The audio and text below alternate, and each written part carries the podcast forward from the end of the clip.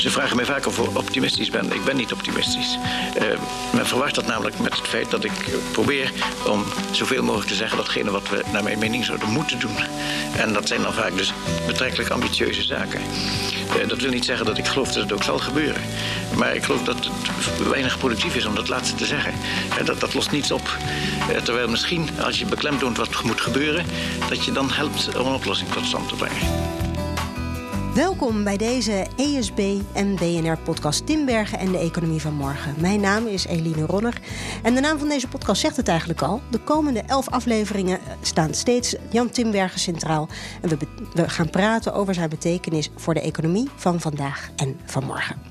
Naast mij zit Jasper Lukezen. Je bent hoofdredacteur bij Economenvakblad ESB en docent economie aan de Universiteit Utrecht. Jij bent deze podcast en ook de andere afleveringen je mijn tafelheer en ook nog eens een keer initiator van deze podcastreeks. Jasper, waarom doen we dit eigenlijk? Het is 50 jaar geleden uh, dat Jan Timberger de um, eerste Nobelprijs voor de economie won. Dat deed samen met uh, Noor Ragnar Frisch um, voor zijn econometrisch en zijn modelbouwwerk. Nou denk je, waarom gaan we hier een podcastreeks voor een econometrist neerzetten? Maar Jan Timberger was meer dan een econometrist. Um, hij heeft ook veel betekend voor de manier waarop in het naoorlogse Nederland beslissingen worden genomen. Um, en hij heeft later in zijn carrière in VN-verband baanbrekende adviezen gegeven. Zoals hij lid van de Club van Rome en het idee om uh, eh, 0,7% van het nationaal inkomen te besteden aan ontwikkelingshulp komt ook uit zijn koker. Um, ja, hij, dient voor veel economen nu als een, als een voorbeeld. en ik denk dat het nuttig is om te actualiseren en te kijken. Uh, is dat terecht? Wat kunnen we ervan leren? En hoe ziet de huidige wereld er anders uit? Dankjewel. We zitten hier vandaag in Den Haag. Nou, dat is toevallig ook de stad waar Tim Bergen geboren is. En waar hij tot zijn dood niet heel ver hier vandaan aan de Haviklaan woonde. En uh, nou, dan moeten we het natuurlijk ook eerst hebben over de persoon Jan Timbergen. Nou, daarvoor heb ik oud-minister Jan Pronk en Erwin Dekker uitgenodigd. Erwin, ik zal bij jou beginnen. Jij schrijft op dit moment een biografie over Jan Tinbergen. En tijdens de voorbereidingen voor deze podcast hebben we Jan Tinbergen... ja, misschien wel de belangrijkste Nederlander van de 20e eeuw genoemd. Hoe zie jij dat als biograaf? Dat is een grote eer voor hem. Um, hij is zeer belangrijk geweest uh, op het gebied van uh, beleidsmaken in Nederland. Hij is een uh, econoom van wereldklasse geweest. En hij is ook een werelddenker. Misschien wilde hij wel niet zo graag of uh, Nederlander van de eeuw worden. Maar had hij misschien een meer internationale titel voor zichzelf bedacht. Een groot deel van zijn tweede helft van zijn carrière gaat over ontwikkelingswerk. en gaat vooral over internationale samenwerking. Intellectueel gezien een reus. Nou, aan de andere zijde, Jan Pronk, eigenlijk ja, heeft u geen introductie nodig. Hè? Voor jongere luisteraars uh, misschien dan toch. Jan Pronk was minister in menig kabinet. Volgens mij van Den Uyl tot Kok, hè? Ja, vier kabinetten Den Uyl. Lubbers 3, Kok 1, Kok 2. Ja, dat kunnen niet veel mensen zeggen. Maar u zit hier niet echt in de hoedanigheid van oud-minister. Uh, u was ook onderzoeksassistent van Tim Bergen en heeft met hem samengewerkt. Jan, wat voor man was die Jan Timbergen nou? Hij was een bescheiden man, één. Hij was een uitstekend docent. Uh, en dat zeggen ook alle andere studenten. Hij kon het zo helder uitleggen dat je niet doorhad hoe moeilijk het was. Dat begreep je eigenlijk pas als je er weer voor ging leren, studeren voor tentamens. Maar, hij had het allemaal al uitgelegd. Uh, zo iemand was het. Bescheiden en een uitstekend docent. Jeetje, ja. Dus toen in 1960 uh, echt wereldberoemd. Maar nog steeds horen we bescheiden en een heel goed uh, docent. Laten we bij het begin beginnen, Erwin. Wat kun je vertellen over zijn kindertijd? In wat voor gezin groeide die Jan Timbergen op? Ja, hij groeit op in een uniek gezin. Want het is nooit voorgekomen dat er twee Nobelprijzen naar één gezin gaan. Uh, zijn broer ehm, Nico Timbergen wint, wint de Nobelprijs in de, in de, de biologie. En um, ja, het gezin was ook helemaal vol met educatie. En um, ja, ze waren ook vooruitstrevend. Dus er was uh, sociaal bewustzijn in het gezin. Uh, en dat werd gestimuleerd. Maar daarbij moeten we wel aanmerken dat ze toch burgers waren. Dus uh, je ging wel uh, naar de werkende klasse toe. en zijn moeder die motiveerde hem om ook contact te maken met de vissers in Scheveningen. Scheveningen was dan toch meer het arbeidersdorp dan, dan het Den Haag, waar ze woonden. Um, en dat werd wel gestimuleerd, maar er was ook wel een grote, grote afstand. Het, het, eigenlijk, het mooiste komt dat naar voren in de allereerste artikeltjes die hij schrijft voor uh, het dagblad uh, Het uh, Volk. en daar beschrijft hij de leefomstandigheden van arbeidersfamilies in Leiden.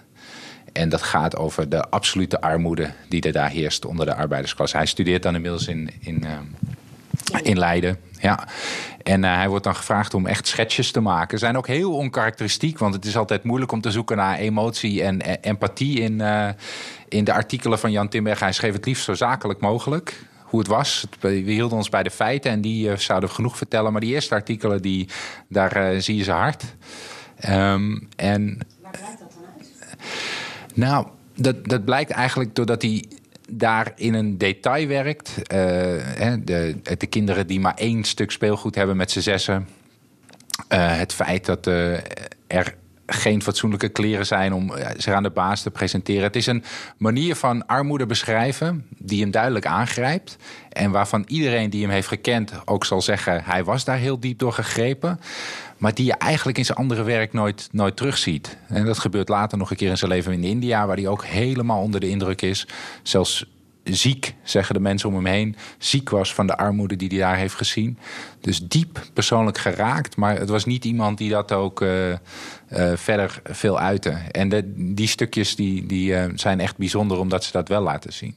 Had ook ja, je zou kunnen zeggen wat licht autistische trekjes. Helemaal gefascineerd door, door de trams en de, de verschillende type trams en de, de dienstregeling van de tram. Hij wilde ook trambestuurder worden, hij heb ik wilde, eens gelezen. Hij wilde trambestuurder worden en toen hij met pensioen ging, kreeg hij uiteindelijk als cadeau dat hij een, een rondje op de tram uh, mocht rijden. Mag ik daar een vraag over stellen? Want je, uh, je beschrijft iemand die um, uh, heel erg met zijn hele stevige en sterke idealen heeft. Uh, je beschrijft ook iemand die gefascineerd is door de feiten. Die uh, notabene Nobelprijs voor zijn econometrisch en modelbouwwerk gekregen heeft. Hoe zijn die twee dingen nou in één persoon verenigbaar? Ja, hoe zijn ze verenigbaar? Dat is natuurlijk. Ik zou eerder zeggen, hoe, hoe komt die spanning soms tot, tot uiting? He, dat, uh, want het zijn natuurlijk twee dingen die uiteindelijk uh, met elkaar op gespannen voet leven. Hè. Een wetenschapper houdt zich bij de feiten en een idealist of een politicus die probeert idealen te realiseren. En Timberger had beide in zich. Uh, dus er zijn verschillende momenten dat die dingen met elkaar in spanning raken. In het begin van zijn carrière is dat niet zo zichtbaar. Dan bouwt hij gewoon een reputatie op als een heel goede wetenschapper. En daarvoor krijgt hij ook de Nobelprijs. Maar vanaf de jaren 50 zien we toch uh, heel erg sterk dat hij dat hij die idealen weer naar de voorgrond durft te laten komen. En zelfs zijn wetenschappelijke werk is altijd gedreven door het oplossen van problemen. Dus uh, hij zei altijd: het urgentste moeten we als eerste doen. En dat bepaalde dan ook waar hij zich wetenschappelijk op ging richten. En dat is natuurlijk iets heel anders dan de logica van de meeste wetenschappers. Hè. Tegenwoordig, uh, ik zit daar middenin. We moeten publiceren waar het vakgebied op dat moment in geïnteresseerd is. En dat, uh, dat scoort de punten. En niet wat maatschappelijk misschien het meest relevant is. En juist Tim Bergens werk is altijd een reactie op maatschappelijke problemen. Ja. Ik zal nog even in, in laarzen even door het begin heen lopen dan. Hè. Uh, Jan Timberg uh, doet, uh, doet HBS hier in, in Den Haag. Prachtige cijfers. Ik zag inderdaad allemaal 8, 9, 10, alleen een 6 voor lichamelijke opvoeding. Vervolgens gaat hij naar Leiden en daar gaat hij natuur- en wiskunde studeren. Um, hij kwam daar ook onder de hoede van hoogleraar Ehrenvest. En dat is een heel belangrijke man gebleken voor het verdere verloop van de carrière van, uh, van Jan Timbergen. Um, Erwin, kun je daar iets meer over vertellen? Ja, Ehrenvest is inderdaad heel belangrijk. Ehrenvest is niet de beroemdste natuurkundige zelf, maar hij was wel de centrale figuur tussen de natuurkundigen uit de jaren twintig die we nu nog herinneren. Einstein, Niels Bohr, Pauli. De grote natuurkundigen van die tijd. En die kwamen ook langs. Dus die leerde Timbergen ook kennen. Einstein is zelfs uh, op uh, bij het Timbergen huisje op de Veluwe geweest. Um, en daar, daar maakte die onderdeel uit van dat milieu. Jan Pronk, hoe kwam Timbergers natuurwetenschappelijke achtergrond eigenlijk weer terug in zijn, zijn werk als econoom, als econometrist? Hij was een rationalist. Hij benaderde alles rationeel. Dus zijn, zijn betrokkenheid kwam tot uitdrukking in de keuze van het onderwerp waar hij mee bezig wilde zijn. En dat was sociale betrokkenheid, maar het moest ook opgelost kunnen worden. Het mocht dus nooit vaag zijn. Het moest rationeel en concreet zijn. En het grootste probleem was destijds armoede en werkloosheid na de Eerste Wereldoorlog. En hij benaderde dat vraagstuk op een manier die hij zelf aangaf later, wanneer hij terugkeek op de wetenschappelijke methode. Dat was dan de natuurwetenschappelijke methode: feiten. Feiten onderzoeken en relaties tussen feiten, data onderzoeken. En die data en die feiten zitten dus ook in de economie. Dus je moet alles proberen te schatten en te meten. En dan te proberen na te gaan in hoeverre veranderingen in het ene feit gelijk opgaan met of veroorzaakt worden of gevolgen hebben voor verandering in andere feiten. Nou, dat leidt dan tot relaties die bestendig zijn.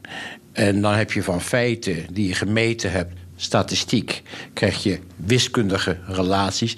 En die zet je, wanneer er heel veel van dat soort feiten en data met elkaar in verband moeten worden gebracht, in een model. En een model is niks anders dan een ja, gesimplificeerde beschrijving van verhoudingen in de samenleving. Of een deel van de samenleving. Bijvoorbeeld een economisch deel van de samenleving. Dat heeft hij ontwikkeld. Hij was eigenlijk de ontwikkelaar van dat type methode. En dat werd dus de econometrie. Wiskunde en statistiek toegepast op een economisch proces. En dat kan voor een land, dat kan voor een stad, dat kan voor de wereld in zijn totaliteit. En je kunt er alle mogelijke problemen mee proberen te begrijpen. En als je dat omkeert, dan wordt een probleem een doelstelling die je moet proberen te verwezenlijken. En dan zoek je dus een oplossing aan de hand van het bestuderen eh, van diezelfde relaties. Ehm, die persoonlijke betrokkenheid die kwam eigenlijk nooit naar voren in de manier waarop hij met ons sprak of les gaf. Je wist dat zit in de keuze van de dingen waar hij mee bezig is. Uh, zijn rationele benadering kwam vooral tot uitdrukking in de manier waarop hij doseerde en met ons uh, sprak. En ja, dat werd dus op een gegeven moment het spreken over de grote problemen in de wereld. En niet alleen maar meer in het Westen. En, maar van, vanaf die tijd heb ik hem meegemaakt. Maar het waren in wezen toch dezelfde methoden die hij zelf had ontwikkeld al in de jaren dertig, die toegepast werden op een groter geheel. Ja, dus dat hij zo ontzettend maatschappelijk geëngageerd was, dat merkte hij eigenlijk vooral in, in zijn werk aan de onderwerpen die hij aanpakte. Ja, niet aan zijn. Uh, uh, niet aan de manier waarop hij erover sprak.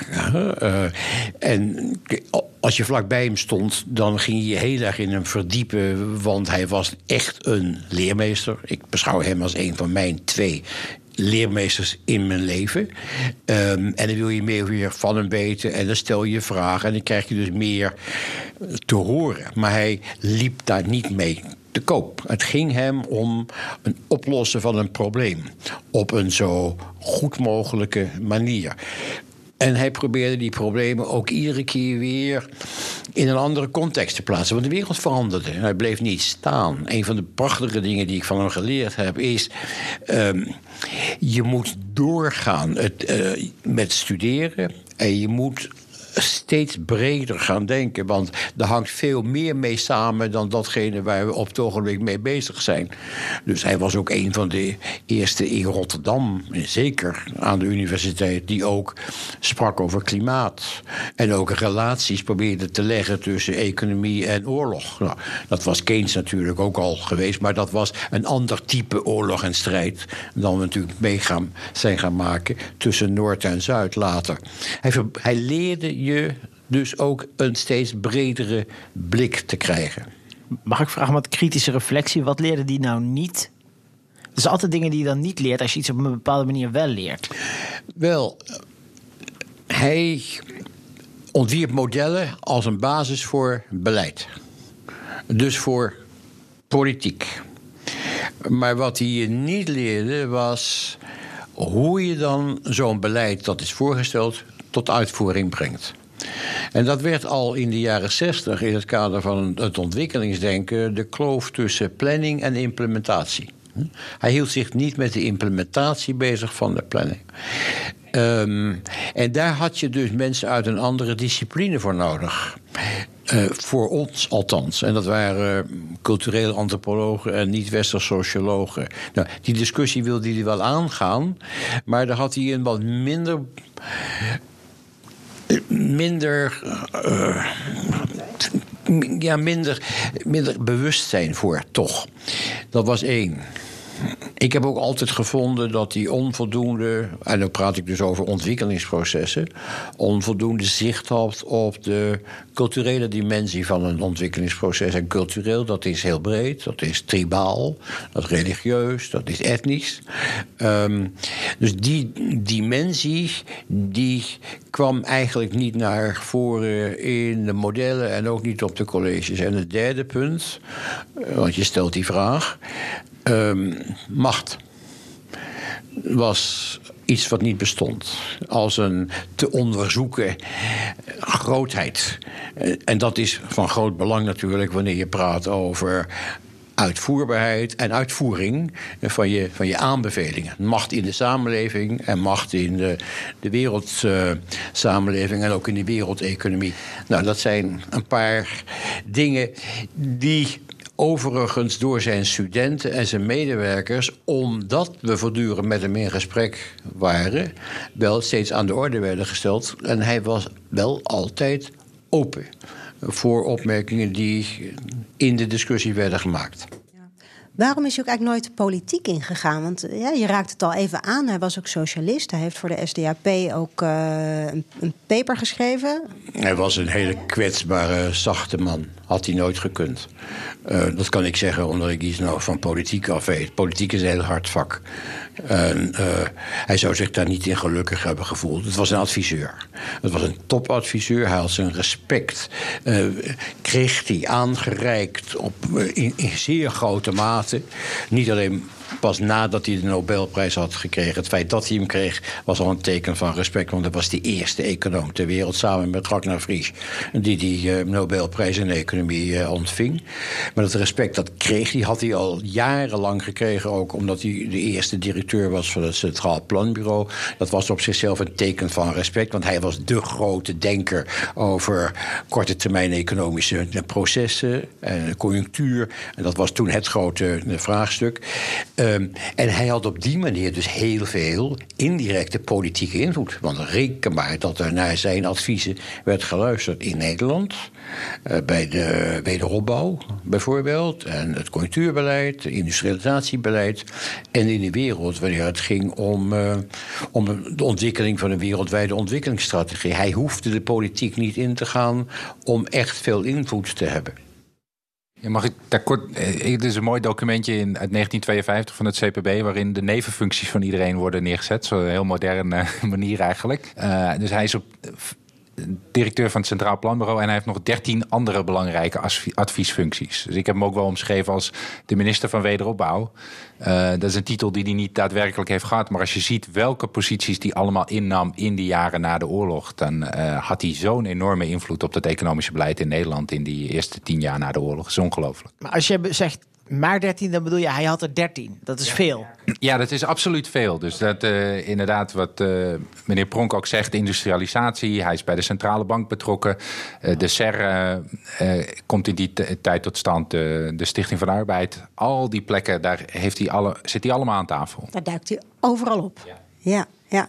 ja en Jan Pronk, je bent natuurlijk wel een heel succesvol politicus uh, geweest. In hoeverre heeft Jan Timbergen daaraan bijgedragen? Hebben jullie al vroeg over politiek gesproken? Jullie komen uit een beetje hetzelfde politieke nest.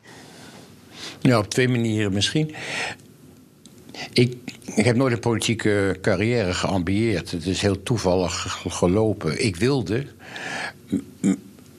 doordat ik bij hem werkte en door de onderwerpen waarin hij mij doseerde, mijn hele leven wijden aan ontwikkelingsvraagstukken.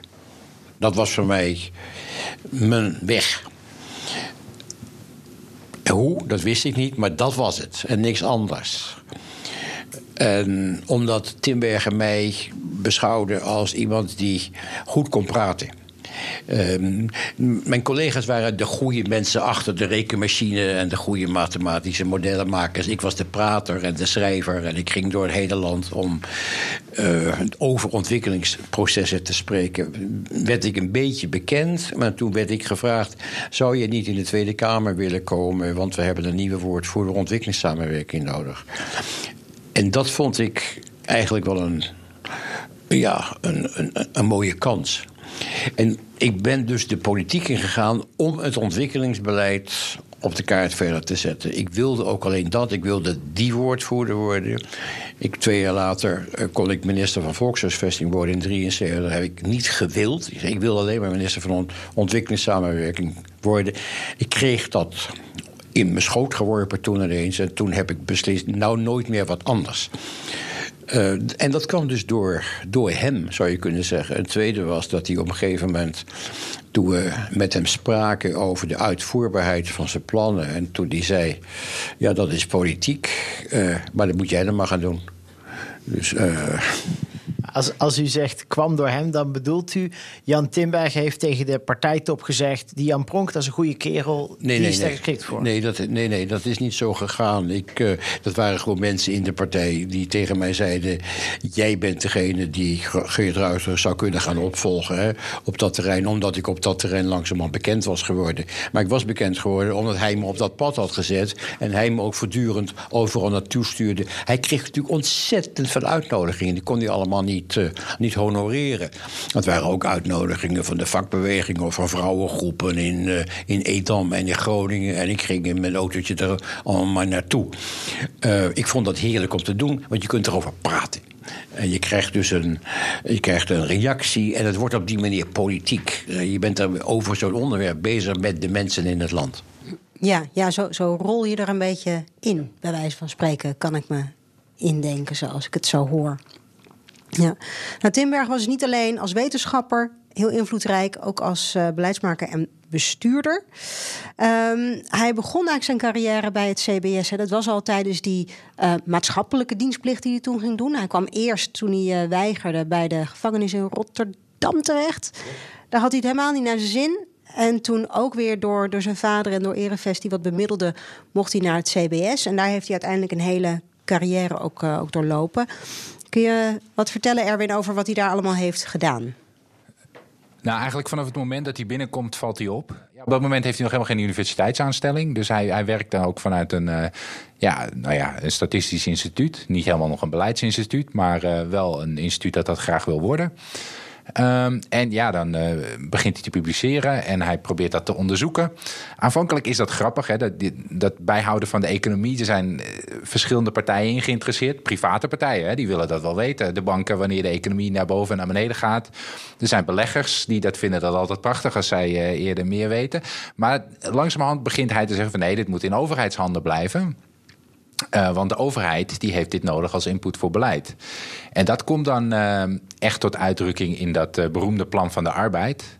Um, wat opgesteld wordt naar, naar Belgisch voorbeeld.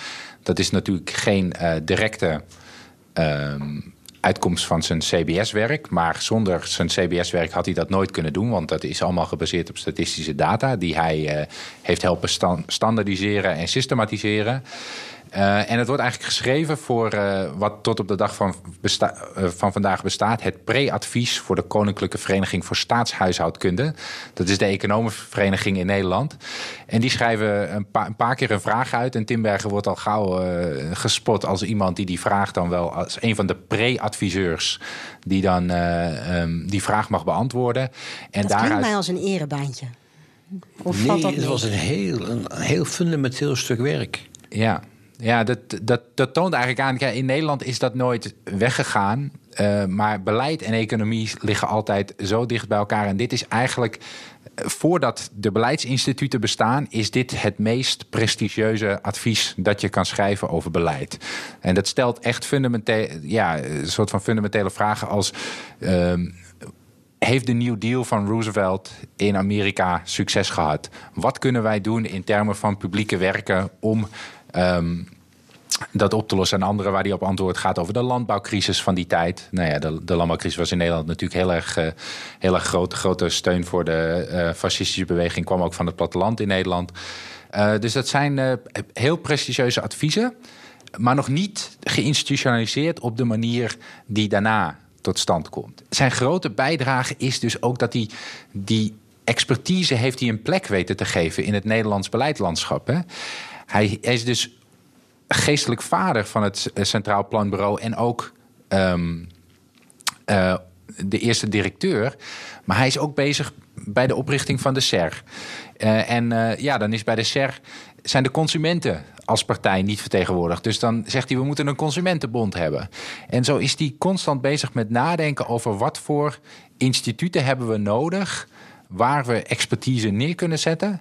en die een soort blijvende input voor goed beleid uh, kunnen geven.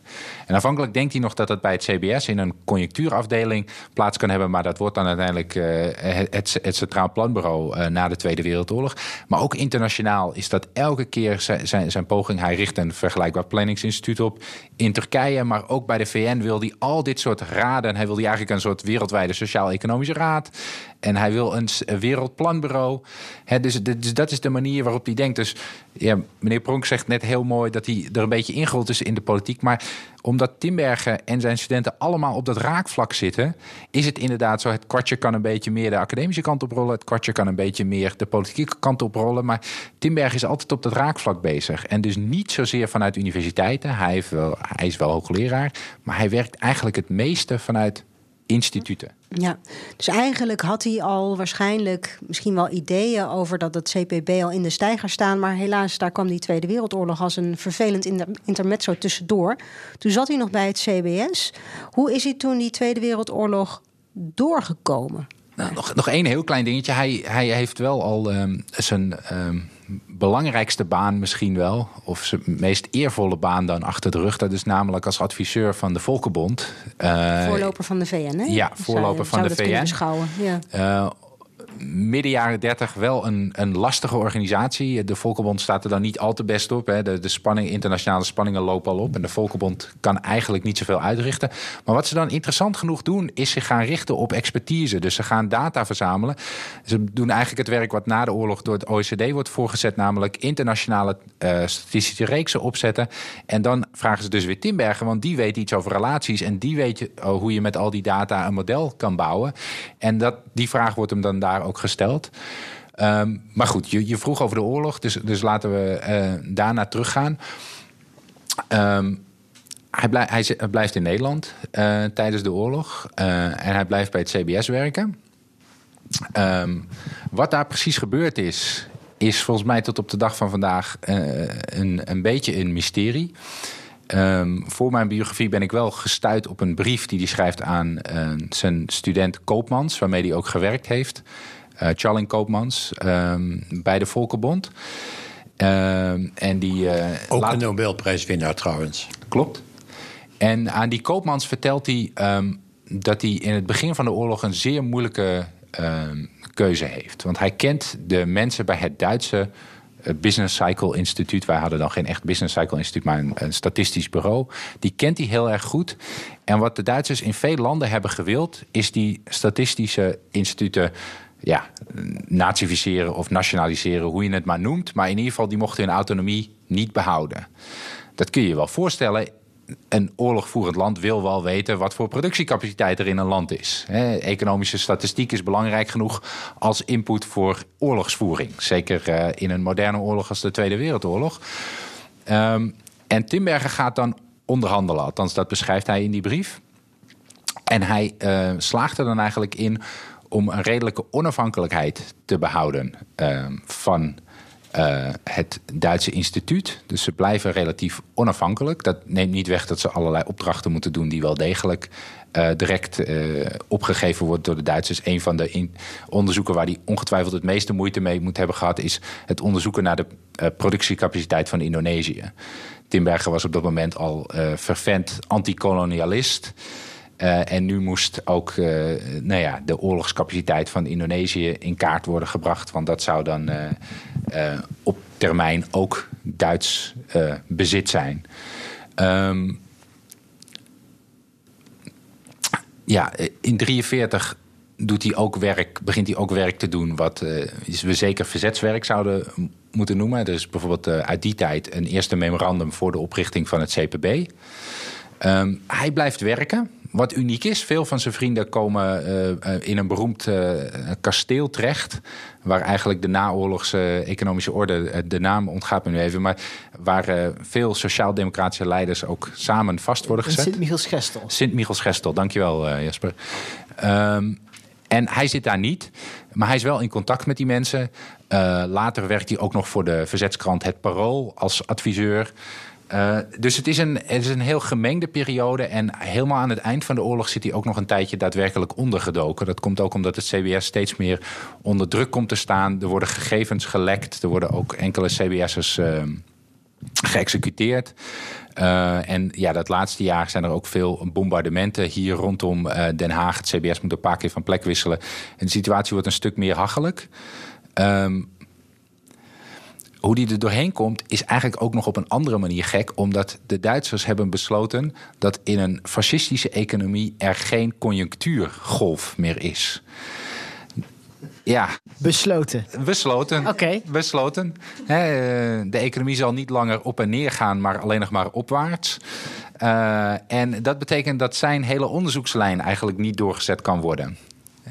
En dus moet hij zich gaan richten op andere dingen. En een van de dingen die hij dan even uh, tussen neus en lippen door doet, is een beroemd groeimodel uh, opstellen. Het komt uit in een, Duits tijdschrift waar hij later nog wel een beetje voor bekritiseerd is dat hij dat ergens anders had moeten publiceren. Maar ik hoop dat net ook wel een beetje is gebleken wat voor lastig parket hij zat.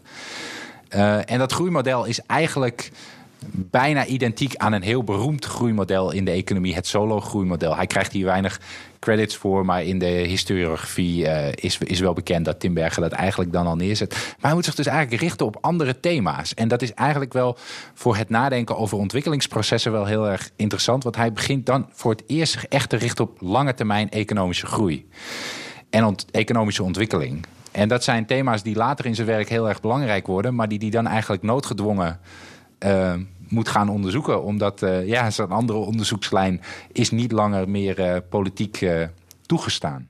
Nederland heeft natuurlijk een heel goed bureau van het Centraal Bureau van de Statistiek. Altijd al gehad. Ik geloof dat we een beetje voorloper waren, ook al eind uh, vorige, eeuw, voor vorige eeuw, hè, met betrekking tot statistiek. En dat heeft hem natuurlijk ook heel erg geholpen. Het aardige was, hij was dus bezig met andere dingen al dan de dingen aan het eind van. Oh, voor de, voor de Tweede Wereldoorlog. Uh, dat betekende dat hij heel gauw naar langere termijn modellen ging, maar ook naar inkomensverdeling, naar de betekenis van onderwijs, de, teken, de betekenis van technologie, iedere keer wat breder. En een van de allerbelangrijkste dingen die hij eigenlijk ons leerde was: probeer dat, ik zei dat net ook al, probeer het te verbreden. Ga niet dieper. Ga niet ergens dieper in. Dieper ergens ingaan, dat wordt dromen. Dat wordt uh, laar pour laar. Um, er zijn heel veel econometristen die dat gedaan hebben. En die eigenlijk zich hebben afgewend van de manier van econometrie bedrijven zoals hij dat voordeed. En er waren ook econometristen in Rotterdam. Uh, ik weet dat wel, want we zaten in de school Timbergen. Dat was ook de school Tijl. Hè? Die keken een beetje neer op Timbergen. Timbergen was dan zogenaamd stil blijven staan.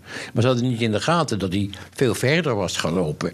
Uh, en dat hij heel operationeel bezig was. Um, en dat werd dus ook wel een klein beetje een, een, beetje een, een ideeënstrijd binnen de economie, ook aan de Universiteit van Rotterdam. Hè, tussen de, binnen de econometrie zelfs. Um, en hij probeerde dat niet aan ons echt voor te leven of op te leggen. Hij deed het gewoon. En je had in de gaten dat dat de manier was. Ja. De vraag was dus, is het helemaal technisch correct of kunnen we er wat mee? En Timberg was altijd van de school, kunnen we er wat mee? Nooit is het helemaal technisch correct. Op een gegeven moment begint hij daar zelfs wat grapjes over te maken. Iemand zal wel weer aantonen dat. Maar dat maakt mij niet zoveel uit. Het gaat erom dat dit ook voor beleid ingezet kan worden. Ja, heel praktisch ingesteld. Dat daar Ja, gaat. schatten. Hè? Eh, en als je het niet kan meten, dan ga je het ordenen. En dan ga je het rangschikken. Dat soort methoden. En dat helpt natuurlijk ook erg in, in het beleid. Hij maakt daar eigenlijk een hele mooie sprong in, omdat hij zegt: Kijk, de grote onzekerheid zit in een onstabiele economie. En mijn grote doel is om van die economie een stabiel systeem te maken. En al die mensen die dus graag de economie willen voorspellen, die, hebben eigenlijk, die, die denken eigenlijk op een verkeerde manier na. Want die proberen een relatief onstabiel systeem te gaan voorspellen. Hij zegt, ja, dat kan niet. Voorspellen is ook in zijn hele leven... eh, Dus eigenlijk zegt hij van dat moet nooit het doel worden van de econometrie. Maar de econometrie moet ons op een pad zetten naar een stabiele economie. Het moet, de doelen moeten ons helder voor ogen staan en daar moeten we dan naartoe werken. En dat is een heel andere manier dan als je denkt... ik wil de fundamentele structuren in de economie vatten... en op basis daarvan voorspellen wat er in de toekomst gebeurt. Uh, Timbergen zat daar helemaal niet op. Hij zei: we gaan die economie sturen naar een optimaal of in ieder optimaal punt, of in ieder geval een punt dat we graag zouden willen bereiken. Dat is schrikken voor uh, moderne macro-economen.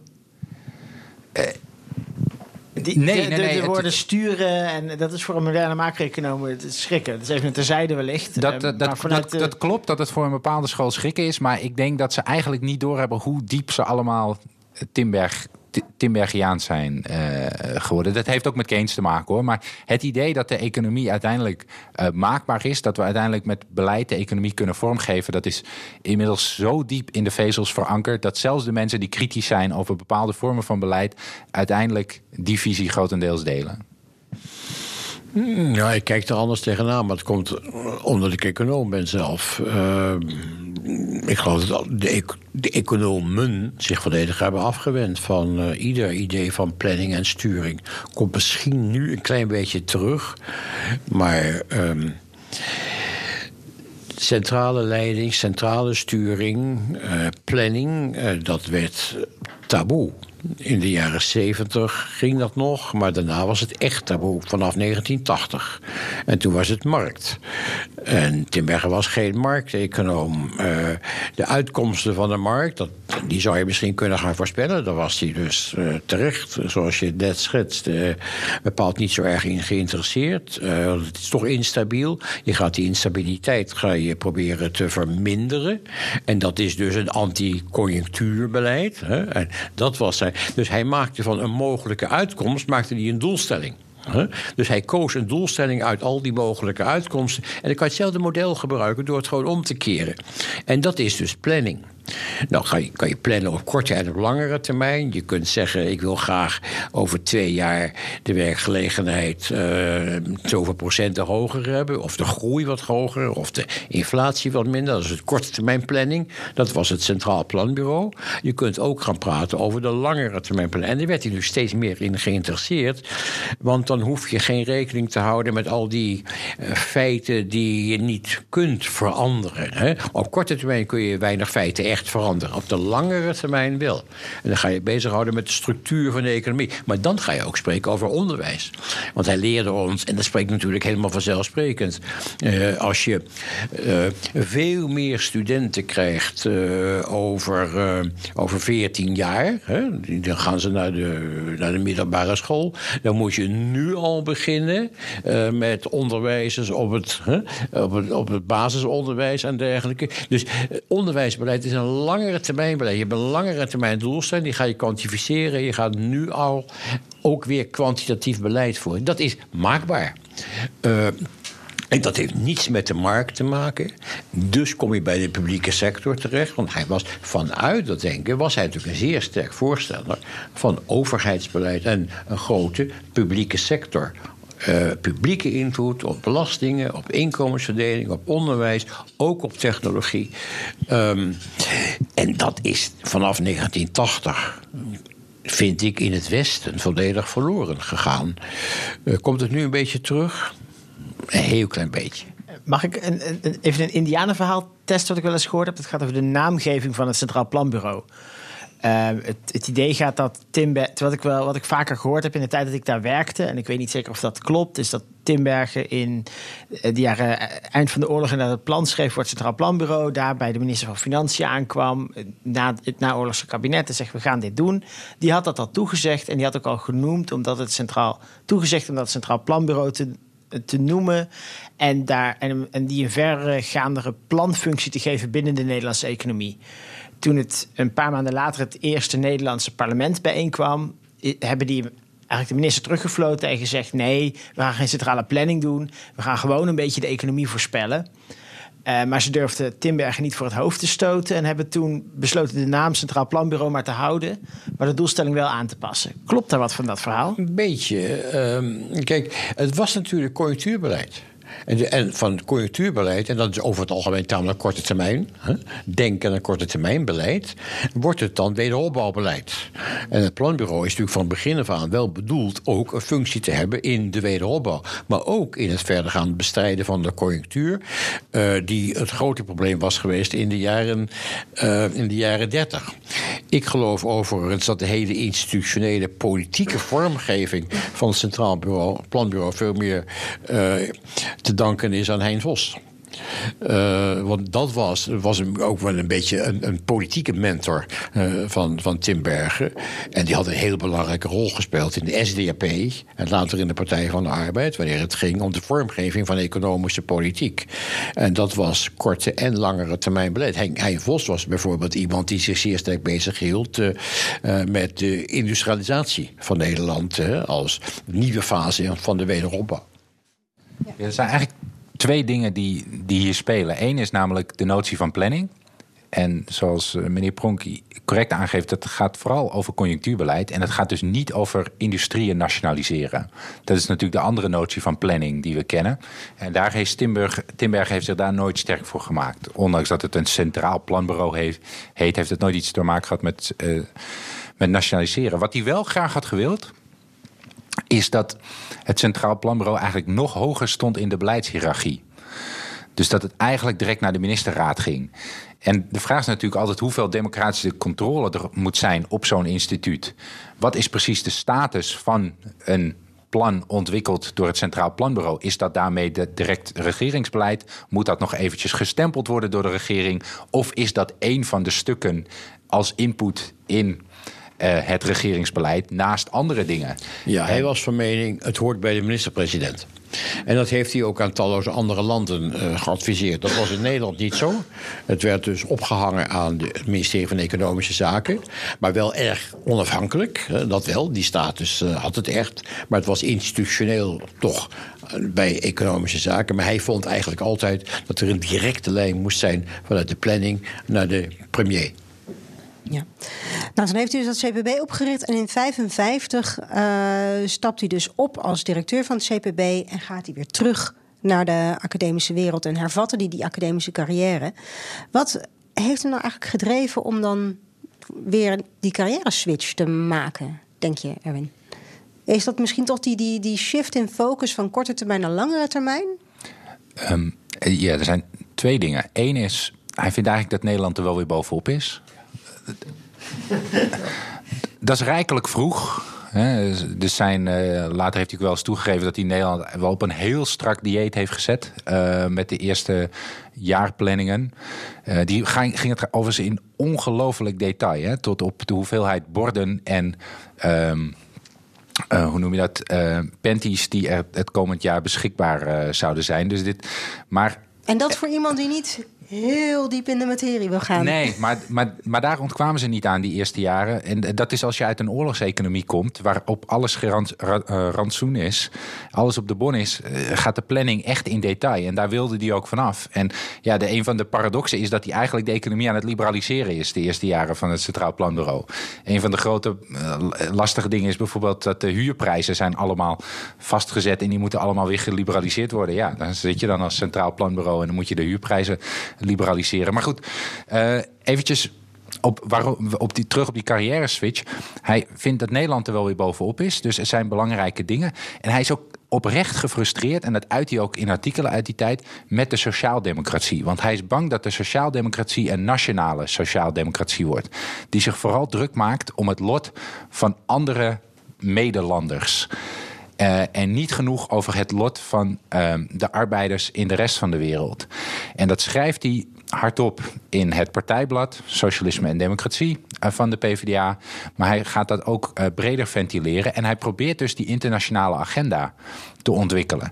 Dus het is ook niet zo dat hij weer teruggaat zomaar de academie in. Uh, het is wel tot op zekere hoogte waar dat, dat dit ook weer te maken heeft met een nieuwe leerstoel. Uh, die, die, uh, over ontwikkelingsprogrammering die hij dan krijgt in die tijd. Maar het is toch vooral een, een nieuw politiek en uh, maatschappelijk project wat hij op de kaart wil zetten. Novib wordt in die tijd opgericht waarbij hij betrokken is. En het is dus een, een nieuwe manier en ook een nieuwe agenda voor de sociaaldemocratie. Meneer Pronk heeft ook nog meegeschreven aan zijn convergentietheorie, uh, die op dat moment wordt ontwikkeld. Dat is, gaat over de verhouding tussen Oost en West. maar de andere verhouding is tussen Noord en Zuid. En hij wil dus echt die blik verruimen. En daar gaan we weer breder, niet dieper. En daar is dit in 1955 een absoluut prachtig voorbeeld van. Ja. Merkt u dat ook aan zijn colleges, dat die blik dus naar buiten ging? In het eind van de jaren 50 werd hij al de voorzitter van het Committee for Development Planning van de Verenigde Naties. En toen heeft hij uh, samen met anderen, want er zaten top-economen in de wereld in hoor. Dat was echt uh, het, het, neusje van de zal, maar hij was daar voorzitter van. Modelmatig ook de grondslag gelegd voor een strategie voor een periode van tien jaar. Weer met een doelstelling. De ontwikkelingslanden moeten harder groeien dan de westelijke landen. Om op die manier in ieder geval de ongelijkheid niet te vergroten. Hè? In absolute, uh, in, in, relatieve zin. Ik begin dat er was al de typisch doelstelling. Tinbergen in te horen. Huh? Ik begin er al typisch Tinbergen in te horen. Ja, dat was het ook. Ja. Uh, maar ik moet daarbij zeggen, er zaten schitterende economen in die ploeg. En die strategie die is nog steeds uh, zeer de moeite van het uh, bestuderen waard. Er zat Bozak in als, als de grote modelmaker op dat moment daarvoor. Leontjev zat daarin. dat was echt de VN net als de Volkenbond, zoals je net zei, ook voor de Tweede Wereldoorlog, was heel sterk in het verzamelen van de intellectuele elite. Ook uit uit Oost-Europa. Ook er zitten veel Hongaren en Russen bijvoorbeeld. En uit het zuiden. Het was een echt een schitterend platform. van waaruit dus ook weer toch landen tot elkaar konden komen. om gezamenlijk beleid te voeren. Dat vond Timberger fantastisch. Dat Ja. hij daar een bijdrage aan kon geven. Ja, en hij had toen tegen die tijd ook al wel echt een, een sterrenstatus als ster-econoom, begrijp ik. Want Dat had hij, ja, Ja. dat had hij. Ja. Ja. En, en wat belangrijk begon te worden was eh, dat zijn studenten begonnen belangrijke posities te krijgen. hè. Dus de andere assistent bij de Volkenbond, eh, Polak, die is dan inmiddels eh, werkzaam als eh, onderzoeksdirecteur bij het IMF. Maar er werken ook al oud-studenten van hem bij de VN. Dus het begint dan ook echt een internationaal netwerk eh, te worden. Als je de correspondentie erop naleest, zie je dan dat de lijntjes eh, heel kort worden, zodat die er ook bijna natuurlijk invalt. En die internationale agenda die blijft na de Volkenbond echt bij hem. Dus in 45 schrijft hij ook een boek over International Economic Cooperation. Dus het is, eh, het is ook niet zomaar dat het in 55 uit de lucht komt vallen. Er wordt nog wel eens gezegd 51 zijn eerste bezoek aan India. Dan realiseert hij dat de rest van de wereld ook bestaat. Nee, nee, nee. Dat is een, dat is een ouder ideaal dat ook speelde in de socialistische beweging. Het socialisme is uiteindelijk een internationale beweging, geen nationale beweging. En er kwamen ook veel studenten uit ontwikkelingslanden. hè. En ook, ook, ook later bekende economen zijn geworden. Hij, ont, hij ontwierp dus eigenlijk een school in Nederland, maar ook in de wereld in zijn totaliteit. Ja. En in hoeverre heb je als, als een van, van zijn leerlingen eh, ook gemerkt dat hij zich later en, en misschien, al, misschien al in een eerder stadium ook echt opwierp als een adviseur voor allerlei mensen? Is dat ook bij jou veel geweest? Hij was bescheiden. Eh, en hij, hij gaf wel eens eigener bewegen advies, maar niet zoveel. Ik kreeg briefjes van hem. Kleine briefjes, die heb ik ook nog wel bewaard. Ehm, en ik sprak hem wel, maar hij drong zich nooit op. Nou, tot slot, eh, we zitten hier natuurlijk niet voor niks. Hè? Een Timbergenjaar hebben we nu. Erwin, wat denk je? Eh, Jan Timbergen, hoe, wat zou hij hebben gevonden van een Tinbergenjaar? Ja, dat, die vraag heb ik mezelf natuurlijk ook gesteld. Wat zou hij vinden van een biografie? En hij heeft al laat in zijn leven wel mee, uh, mee toegestemd. Of mee ingestemd. En uh, ja, een beetje schoorvoetend. Persoonlijk had van hem zeker niet gehoeven.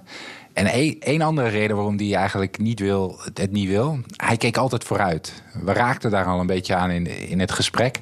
Het ging niet om de diagnose, het ging om de, om de oplossing. Nou wordt hij door andere economen ook wel eens flink door uh, bekritiseerd.